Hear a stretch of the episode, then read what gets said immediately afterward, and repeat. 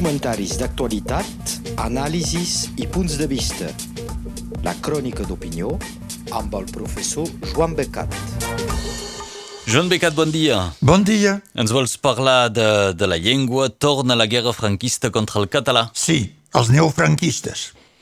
Assistim a una gran ofensiva de la dreta i l'extrema dreta espanyola contra el català i el seu ensenyament a Catalunya, amb la complicitat o almenys la passivitat del govern i dels diputats socialistes del PSOE. És a dir, que l'ofensiva política i judicial que des de fa quatre anys combat l'independentisme català i que continua sempre, se dobla ara d'una ofensiva general lingüística per a castellanitzar l'ensenyament a Catalunya. No crec que ho aconsegueixin, com no han aconseguit fer desaparèixer l'independentisme, però alteren la gent i l'ensenyament, provoquen crispació i són els alumnes que paguen el preu d'aquests disbarats. De fet, són els neofranquistes que reprenen el combat del franquisme contra el català, jutjat per Franco i els seus com a responsable del separatisme català, com deien. La dictadura del general Franco ha intentat durant 40 anys d'erradicar i perseguir el català i se n'ha calgut de poc que ho aconsegueixi. L'ús públic del català era prohibit a la postguerra i durant anys parlar català a la feina podia fer perdre el lloc de treball. Evidentment no s'ensenyava i la majoria dels mestres de la República havien estat destituïts. Havien requisat i portat a Salamanca tots els arxius públics i, i en part privats de Catalunya. Se tractava, doncs, d'una voluntat d'etnocidi. El català era relegat a l'ús privat i el castellà progressava, ajudat per una enorme immigració de treball vinguda de tota Espanya. Quan se va produir la transició democràtica, a finals dels anys 70, tothom a Catalunya havia tingut una educació en català i els catalanoparlants no sabien ni escriure ni en general llegir en català, la seva llengua. Continua encara avui dia pels que llavors eren joves adults o d'edat mitjana i que ara s'han fet grans. I com se va passar l'ensenyament del català després del franquisme? Doncs, per suscitar, després d'aquesta situació catastròfica, per suscitar l'ús del català, el primer govern de la Generalitat, presidit per Jordi Pujol, va fer aprovar la llei de normalització lingüística, però va ser bloquejada sis anys pel govern espanyol del socialista Felipe González. Quan se va permetre, va ser sense els articles que podien sancionar el refús d'aplicar-la a Catalunya.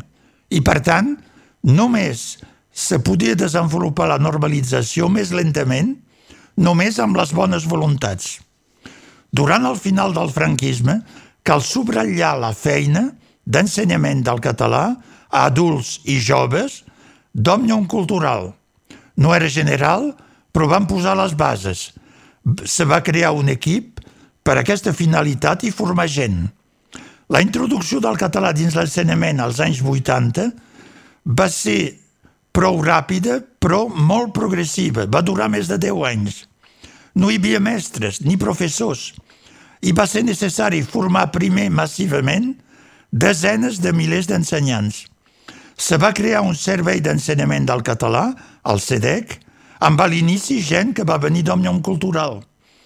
Instal·lar el català a l'escola va ser una lluita de més de 10 anys. Durant tot aquest temps se va passar per un bilingüisme català-castellà, però hi havia el consens general dels pares i de la població, fins i tot dels castellanoparlants. Això, per sort, encara dura per gairebé tothom. Recordi, personalment, que durant aquesta època el sindicat Comissions Obreres me va convidar al seu congrés anual, que aquest any se feia a Lleida, per participar a una taula rodona. Doncs vaig fer el viatge amb els, la gent sindicada de Barcelona a Lleida. Majoritàriament eren treballadors i professionals de llengua castellana, sobretot del cinturó periurbà i obrer de Barcelona. Però, en el seu discurs a la tribuna, el seu líder va ser més que clar. Va dir que a tot arreu calia que els nins de la classe treballadora parlin català o castellà, aquesta gent, tinguin ensenyament en català per tenir les mateixes oportunitats de vida i de treball que els altres joves, perquè el català era també la llengua de la societat, dels estudis i del treball. Sense ella, els seus fills no tindrien totes les portes obertes. Aquest consens és encara prou ample avui dia.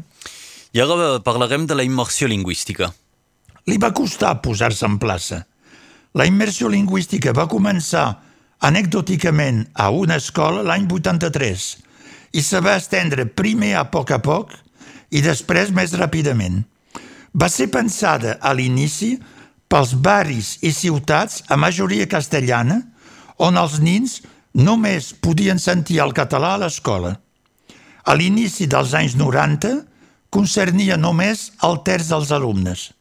Llavors es va progressar més i va ser el model general a Catalunya fins avui dia, sempre amb l'acord dels pares d'alumnes.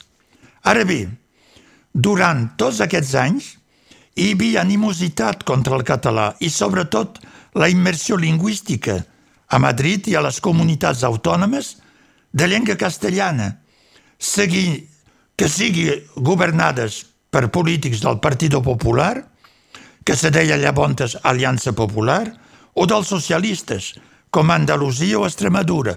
Tothom a Espanya era contra el català.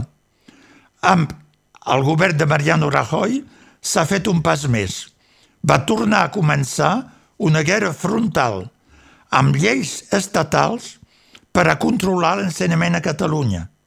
Eren fetes per Espanya, deien, però eren pensades només per Catalunya, per posar normes generals que s'imposin a les normes del Parlament de Catalunya i donar, doncs, matèria a la justícia d'anar ella també contra el català.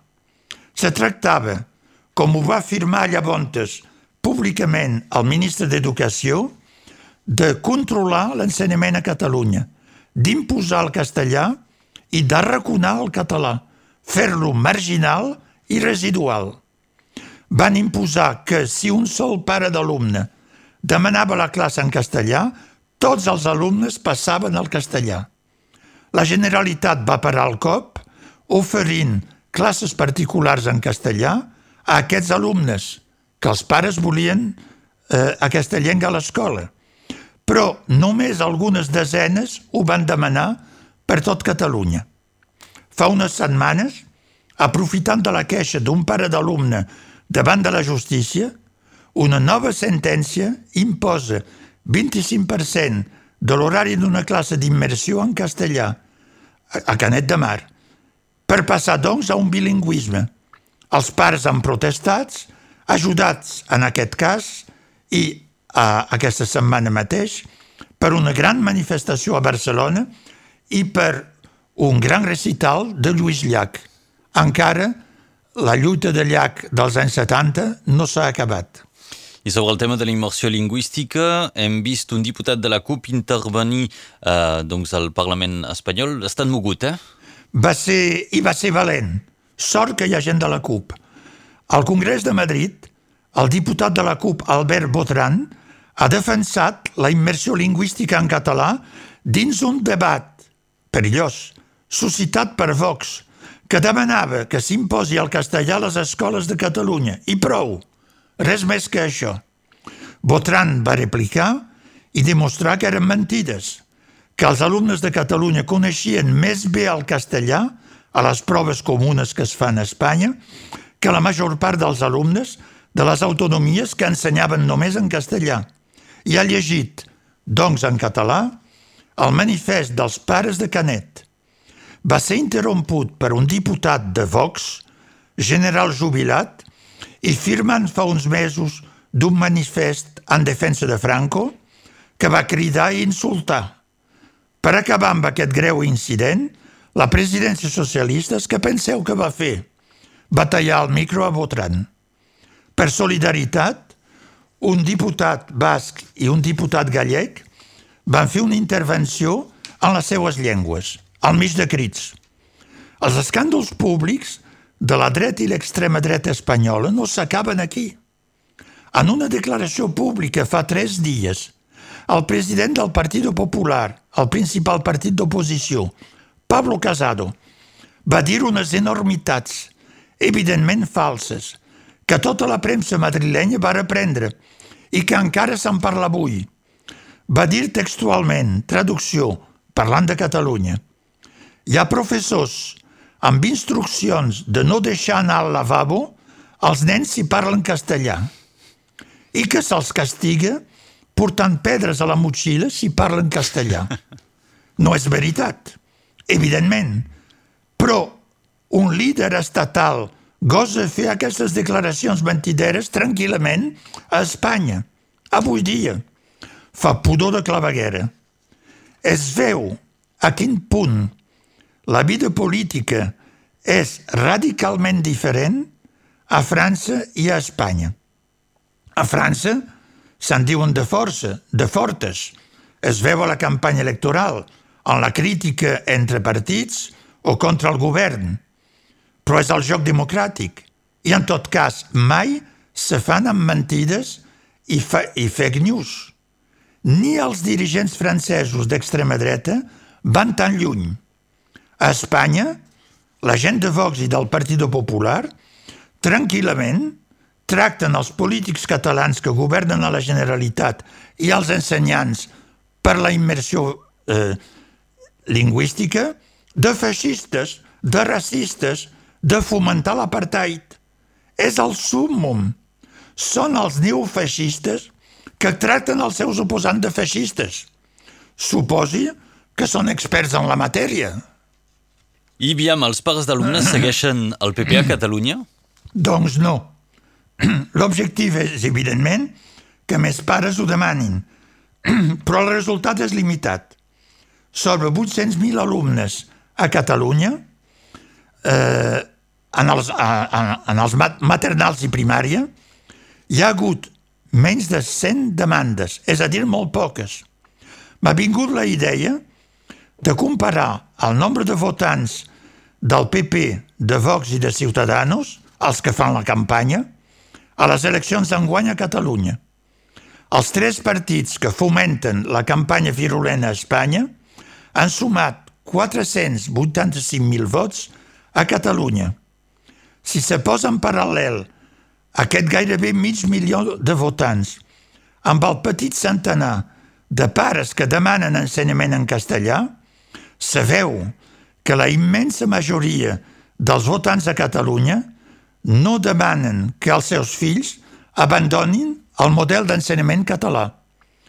Vol dir que deuen tenir alguna raó de fer-ho. És que l'ensenyament a Catalunya prepara millor els alumnes que a la resta d'Espanya. Vet aquí un tema molt calent eh, en l'actualitat, el tema de la immersió lingüística i d'un costat com de l'altre en sí. aquests moments. Doncs uh, moltes gràcies, Joan Becat. Bon dia a totes i a tots. Comentaris d'actualitat, anàlisis i punts de vista. La crònica d'opinió amb el professor Joan Becat.